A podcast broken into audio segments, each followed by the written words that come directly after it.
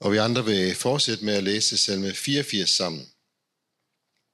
For korlederen Al-Hagitit, Salme af korsønderne. Hvor er din bolig vidunderlig, herskares herre. Min sjæl fortæres af længsel efter Herrens foregård. Mit hjerte og min krop råber efter den levende Gud. Selv spuren finder sig et bo, og svalen en rede, hvor den lægger sine unger ved dine aldre, herskares herre, min konge og min Gud. Lykkelige de, der bor i dit hus. Til stadighed kan de prise dig.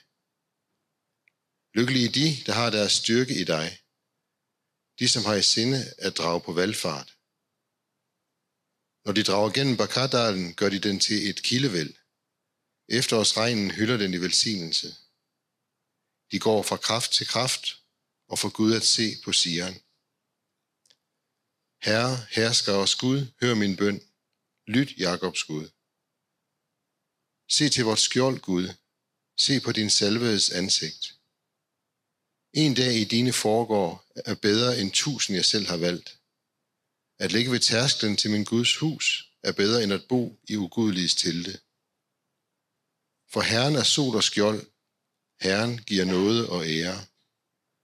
Dem, der vandrer i oprigtighed, nægter han intet godt. Herskars herre, lykkeligt det menneske, der stoler på dig.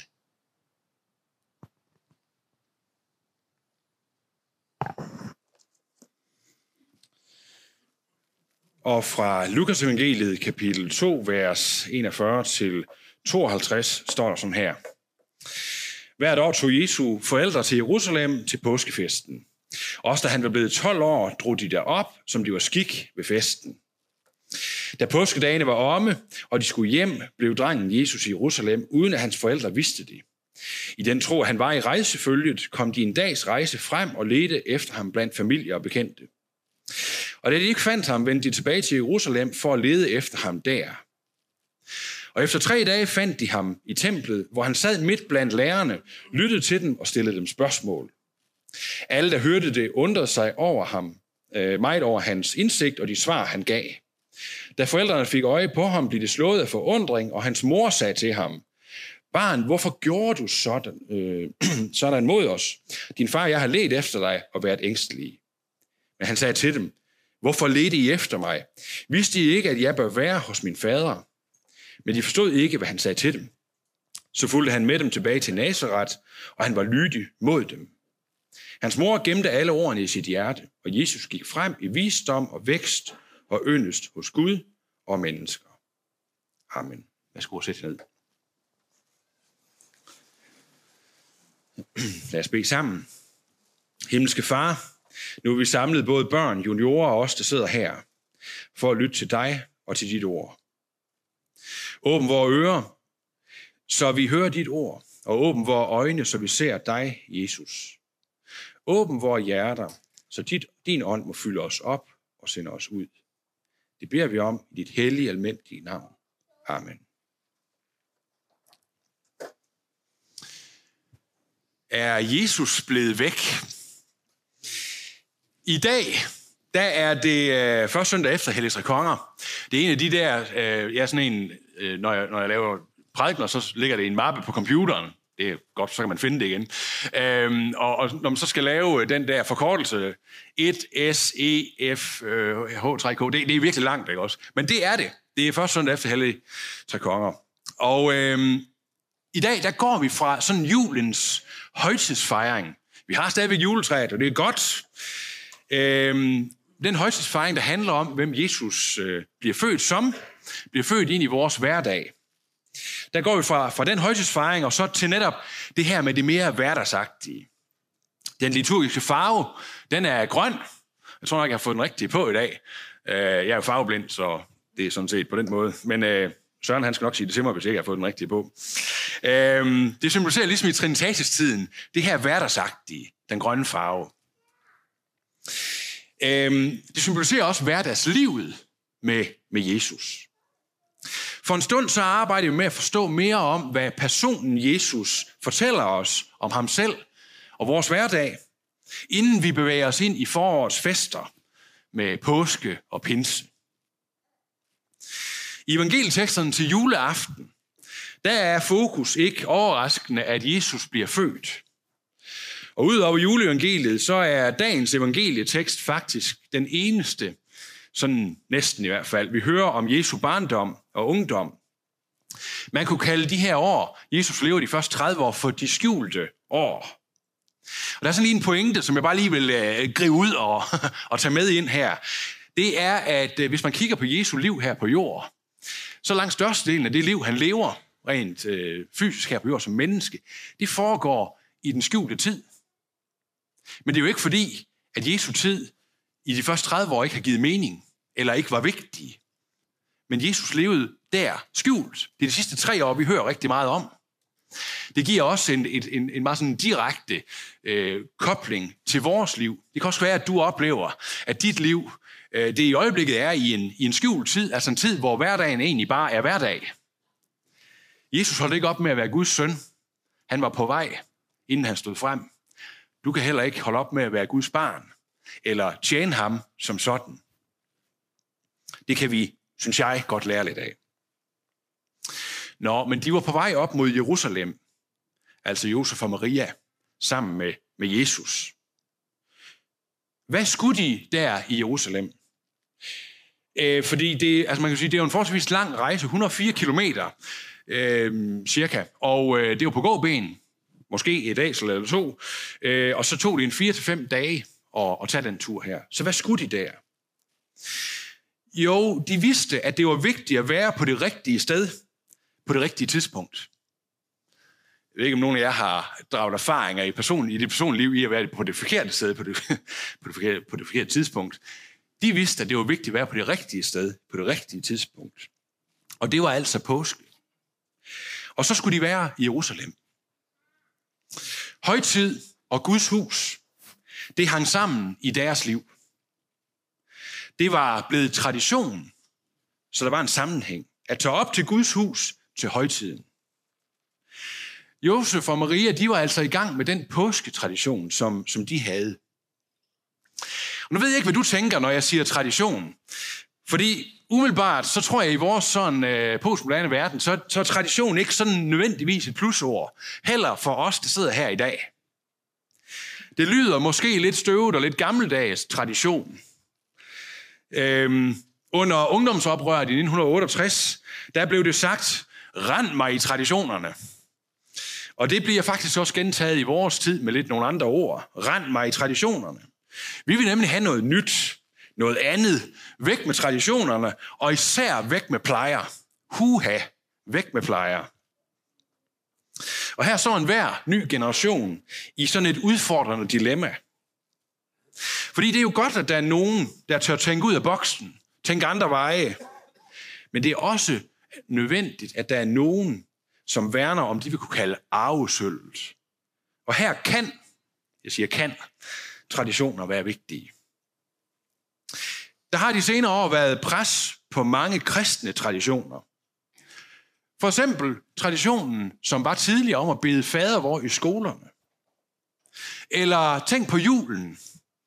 I flere år har adventstiden øh, været et sted, hvor folk rundt omkring i det danske samfund har øh, talt og plæderet for at fjerne juletraditioner. Og især kristne symboler. Væk med traditionerne har de lyttet. Der skal være noget andet. Vi skal have noget nyt, noget andet. Det er gammelt. Problemet er bare, at har man ikke gode traditioner, så får man så let dårlige vaner. Får man ikke gode skikke, med sig selv og sin familie, så får man så ofte dårlige vaner og dårlige skikke indført. Med traditioner er det nemlig som med et, man kunne sige et skelet. Jeg har sådan lige taget et, det bedste billede, jeg kunne finde af sådan et fysikskelet her. Et skelet giver de indre organer, hvis vi følger billedet, plads og rum og livsmulighed. Livet, det er ikke selve skelettet på den måde. Livet, det er de indre organer. I hjertet, i nyrerne, i lungerne og i blindtarmen. Livet er ikke skelettet, men skelettet gør, at de indre organer har et livsrum at være li, li, til live i. Gode traditioner, det er et godt skelet. Gode traditioner, De giver nemlig livsrum for selve livet. Livet, der ikke ligger i traditionerne, men gode kristne traditioner, de giver Gud en chance. Og de leder os til det, vi kunne kalde livskilderne. Livskilderne. Den gode tradition, den førte Josef og Maria op til Guds hus og til påskens livskilde. Og det har kostet dem, altså Josef og Maria. De var nemlig ikke en del af det bedre borgerskab. De var det, man kalder småkorsfolk. Så det har været et meget bevidst valg. Der er en hel del forskning, der tyder på, at man også som mand var forpligtet til at tage mindst en tur til øh, Jerusalem. Men det har været et, et meget omkosteligt valg for dem. Som sagt, det tog 4-5 dage at rejse derop, 4-5 dage at rejse hjem igen. De har ikke kunne være hjemme og tjene en dagløn, øh, Josef som tømrer, imens. Men op til templet skulle de. Og her i, der viser Josef og Maria os et fantastisk godt eksempel. De viser nemlig barnet Jesus vejen til Guds hus. Ikke blot ved at pege på den og sige, derhen er det godt at være, men ved selv at gå den. Og det skal vi tage med som en pointe, om du har børn eller ej. Jeg kan godt lide at, at sige den lille sætning ved dåben, når vi døber herover. Vis dit barn vejen til himlen, ellers så far det vildt på den jord. Og det er altså andet end ord. Det er handling. Og til alle os, der er familie, fædre eller mødre, så tror jeg, det lyder specielt kald til os i dag, igennem den her tekst. Vis dit barn vejen til himlen, ved at gå den selv, som Josef og Maria gjorde. Nå, men nu er de så på vej hjem. Og øh, det er så her, mit forældreskab det kommer på prøve første, første gang, fordi, fordi øh, det kunne nok have, det kunne faktisk, når, hvis jeg nu skal være selvrensagende, det skal man jo nogle gange, øh, så vil jeg sige, for mig, som sådan lidt en forvirret type, så kunne det godt, øh, det kunne simpelthen godt lade sig gøre, at vi havde rejst en dag, og jeg havde glemt Karoline og Sebastian. Men det kunne det ikke for Lene, min kone. Og det kunne det sikkert heller ikke for mange af jer. De kommer i hvert fald en dag frem i den her karavane. En lille appendix her, det er, grunden til, at de i karavanevandring, øh, det er, at det var både en beskyttelse mod røver og, og andet godt folk, der kunne finde på sådan lige at angribe. Og det var også godt at gå sammen. Man fik snakket, og hvordan går det over ved onkel Hans i, øh, og sådan noget. Og så havde man det der med, at der var sådan noget fællesskab om at passe børn.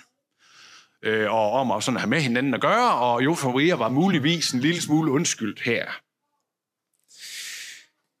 De var en karavane. Der var beskyttelse, der var fællesskab, der var netværk. Men jeg kom til at sidde og tænke over det her med karavanerne. Hvis vi tager billedet og bruger det på vores liv. Karavanerne, som vi kan følge, vi kan være en del af. Hvad, hvilken karavane er jeg en del af med mit liv? Hvor leder min karavane mig hen? Jeg husker, at jeg havde en samtale med nogen øh, under corona, som øh, fortalte om det her med, at øh, nu skulle man sidde hjemme altid, og man kunne ikke komme i kirken, og man kunne komme nogen som helst steder. Og for nogen, øh, at, øh, for det her, den her konkrete familie, var, var det blevet sådan en, en, en lidt en, ja, det var blevet svært for dem og, og, og så også følge øh, kirken på streaming, fordi man kunne jo lige så godt lade være, eller sådan. Jeg tror, at vi med vores forskellige familiekaravaner, med det liv, vi sætter op, kan lande det sted, at vi er på vej i en karavane et helt andet sted hen, end der, hvor det handler om at komme hen. Den her familie øh, var en familie, som pludselig opdagede, at de var blevet en familie uden øh, hverdagsandagter, og, og så også uden kirken om søndagen, øh, for de sad jo bare derhjemme. Nå, Josef og Maria er en del af en karavane. De finder ud af, at de er på vej et forkert sted hen, for Jesus er der ikke. Så de må forlade deres karavane for at lede efter Jesus. Og det er her linket til min beretning om den her familie, som jeg måske selv kan se mig i også, og du måske også kan under corona, øh, er. For nogle gange, så må vi forlade den karavane, vores liv har bevæget sig ind i, for at begynde at lede efter Jesus. Måske skal du også forlade den karavane. Måske skal jeg, som jeg er blevet en del af, for at sætte en ny kurs. Et nyt sted. Krisen den ender jo lykkeligt, som vi ved fra, øh, fra beretningen. Jesus bliver fundet, men hvor bliver han fundet? han bliver fundet i Guds hus. I Guds hus, der sættes den her splittede familie sammen igen. De mødes, de sammenkobles. Og det er som sket mange gange siden også. At det splittede liv blev samlet i det, man kunne kalde kirken. Huset mellem himmel og jord. Huset mellem himmel og jord. At man fandt hinanden igen. Og her, i det her hus, hvordan det så ser ud, kirkens rum, der sætter Gud os stævne. Jesus blev væk, eller gjorde han. Jeg synes selv, jeg oplever det en gang imellem i mit liv, at Jesus kan blive væk. Væk på grund af travlhed. Væk på grund af dårlige prioriteringer. Eller måske bliver han væk i bekymringer. Eller i øh, overmod, måske lige frem. Der kan være mange grunde til, at Jesus bliver væk. Påskemorgen så stod Maria. Hun stod derude ved graven og græd. Hvorfor? Fordi Jesus var blevet væk. Han var blevet væk i sorgen. Først kunne hun ikke se ham for tårerne, og siden så kunne hun ikke se ham, så så hun ham, men netop gennem tårerne. Jesus kan blive væk på grund af skuffelser i dit liv.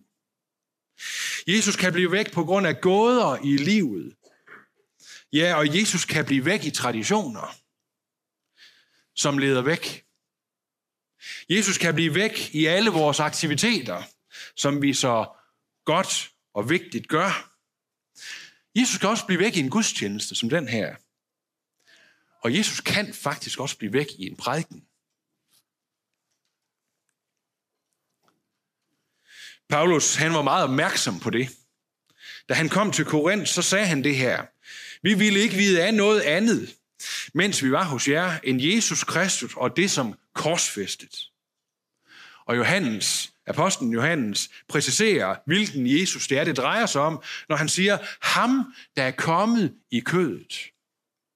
Altså, den historiske Jesus, den historiske Jesus, virkelighedens Jesus, Bibelens Jesus.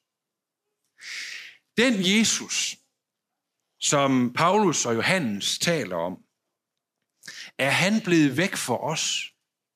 Er han blevet væk for dig? Er Jesus blevet væk i din livskaravane og det liv, som du lever? Jesus kan også blive væk i et lands lovgivning. Jesus kan blive væk i et gammelt kristen folk som vores, som glemmer arvesølvet. Arvesølvet, ja. For nogle år siden kunne man læse i Kristi Dagblad en overskrift øh, fra Tyskland, eller det er en tysk katolik, som siger det her, udtalte dem kristendommen i Tyskland er gået bankerot. Høj dåsprocent, ja vel, men trosindholdet er blevet væk. Og videre hed det, hvor kirken ikke vil bygge på absolute sandheder, afslører den, afslører den sig som menneskeværk. Kirken er ved at opgive arvesølvet, og en dag bryder facaden sammen. Og det samme år, så kunne man læse i Jyllandsposten op mod jul, hvordan nogle præster udtalte sig om, at de bibelske læresætninger, som de, øh, som de ikke troede på, jo, det var fint at være søgende, sagde de. Men det stod ligesom klart i den her artikel, at ved den, der finder et tydeligt, klart svar. Og på mange måder, så er det, de her antydninger, de her øh, udsagn, øh, det er eksempler på et åndeligt mørke, som et gammelt kristen folk kan befinde sig i. Og der tænker jeg, lad os ikke forbande det mørke, men lad os tænde lys i det mørke. Lad os give Gud muligheden, Gud muligheden for at sætte en modreaktion i gang i os. Gennem os selv. Og den modreaktion, den begynder med, at vi, som Josef og Maria, at vi har traditioner, der fører os til vores Guds hus. Og at vi i vores Guds hus kan finde Jesus, og at han får lov at finde os. Vi må have genrejst gudstyrkelsen og tilbedelsen, privat, personligt og som kirke. For kirkens fornemmeste opgave, det er at give rum for, at vi og Jesus finder hinanden. For han ønsker fællesskab med os. Vi skal gøre, som Maria og Josef til sidst gjorde. De søgte i templet. Vi skal naturligvis ikke søge i templet i Jerusalem, for det findes ikke mere. Det står der ikke mere, at det blev udslettet i år 70, selvom det var smukt af romerne. Men søge i det nye tempel, som Jesus siger, han er blevet. Jesus er det nye tempel. Det er der, vi skal søge Guds ord. Søge ham. I ordet, i kirken, i Bibelen, og ikke mindst i bønden.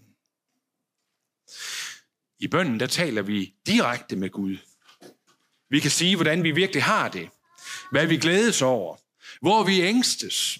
Og vores bekymringer, hvor ligger de? Men også hvor vores håb er. Vi kan bede om hjælp og styrke, når det vakler for os, eller når livet svigter os. Guds ord fortæller os, søg, og I skal finde, bank på, og der skal lukkes op. Det siger Jesus i Matteus evangeliet.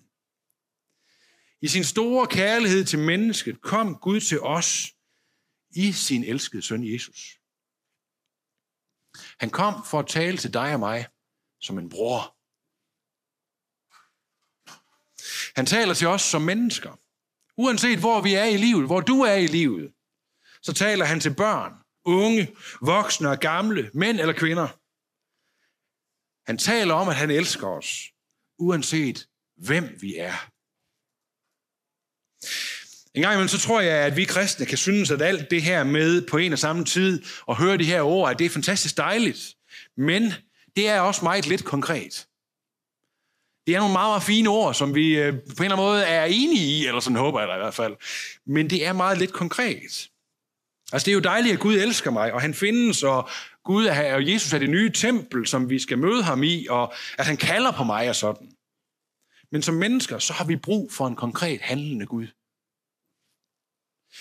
Og måske har vi specielt brug for Gud, når vi øh, lander i lidelser og i smerter i livet. Og netop derfor, for at vi skulle se en konkret og handlende Gud, så har han givet os nådemidlerne. Dåb og nadver. Guds vilje er god. Og over for dig, der lider, så ser han dig, og så møder han dig. Mest konkret, konkret så møder han dig jo her ved nadverbordet.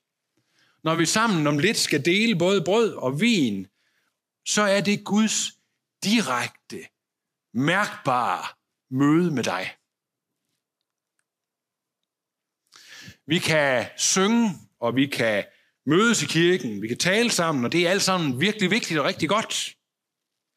Men her ved nadverbordet møder den store frelser dig personligt. Han møder dig i smagen af sit blod. Og han møder dig i oplevelsen af hans læme. Det er det, der er nadvårens evangelium. Jesus møder dig her i dit liv med hans nådespor.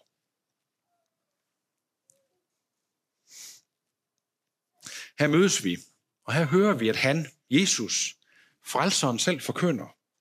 Tilgivelse af dine og mine fejl. Derefter så sender han os ud i livet på ny. Til et nyt liv. Et liv i kærlighedens tjeneste. Hvor vi selvom modgangen møder os, for det gør det, så må vi vide, at vi er elskede og frisatte. Til dig, der måtte kæmpe med, at Jesus er blevet væk, så kommer smag på hans krop. Kommer smag hans blod. Kommer smag ham. Jesus er nemlig ikke blevet væk. Han står lige her i menighedens midte. Og han er klar til at tage imod os. På trods af vores følelser og fornemmelser, så er han lige her midt i vores verden. Han åbner sin favn, så omfavner han os i dåben og i nadvåren. Og så peger han, som beretningen i dag viser os på, at han er frelseren. Og at du, der har behov for at vide det, kan finde ham og finde beretningerne om ham i hans ord. Jesus Kristus sad konkret i templet Og folk var slået af forundring over den unge dreng med den store visdom. Det var en visdom, som rakte langt ud over deres fatteevne. Dengang. Men det gør den også i dag. Men det er drengen Jesus, der i dag over for dig og mig viser sig selv, viser også hen til sig som det nye tempel. Det nye sted, hvor Gud selv er til stede. Han kalder og forkynder, at alt er reddet, alt er klart. Du og jeg må komme med vores liv, som det er. Vi må komme og mærke. Vi må komme og smage. Kom og se, at Kristus selv, den salvede komme, konge, vil komme til os, for netop at du skulle finde fred. Forløsning og glæde. Han er nemlig sin fars søn, frelseren over alt. Og den, øns, den virkelighed ønsker han at dele med dig. Men det kræver, at du og jeg vil tage turen. Måske gå ud af karavanen, lave prioriteringerne i vores liv, som Maria og Josef gjorde det. Og møde ham ikke et nyt sted i det nye tempel, som er bygget af sten, men som det nye tempel. Grib om Jesus, så griber du livet. Amen. Lad os bede sammen. Far i himlen, jeg beder dig om, at vi må ture og gribe om dig. Jeg beder dig om, at øh, lige meget hvor vi er i vores liv, i glæde eller i sorg eller indimellem, at vi så må ture og stoppe op og se på den karavanevej, vi er på vej af i vores liv. Og overveje, om den karavane leder hen til dig. Hjælp os til at ture og tage de valg, både med starten på et nyt år, men også i vores liv generelt, så vores liv emmer af, at vi kender dig, kender din vej, og vi ønsker at vandre på den. Hjælp os som menighed til at vandre af din vej, så din kærlighed slår rod i os og i vores fællesskab. Så vi både over for hinanden her i menigheden har kærlighedens sind, men også over for mennesker omkring os. At det må kunne ses på os, Jesus, at vi er tændt af din ild, af din kærlighed, og ønsker at dele det fællesskab, du har med os, med andre. Tak, Jesus, at du bygger os op, du vandrer med os, du går med os, når vi går ud, og når vi går hjem. Jeg beder også om, at du må gå med os, og vi må få den vidshed ind i vores hjerter, at du går med os helt hjem, øh, hjem til dig, i håbet om en evig frelse og salighed hos dig engang. I et hellige navn. Amen. Og så vil jeg bede jer rejse op. Lad os tilønske med hinanden. Hvor Herre Jesu Kristi nåde og Guds kærlighed og Helligåndens fællesskab være med os alle. Amen. Værsgo, sæt ned igen.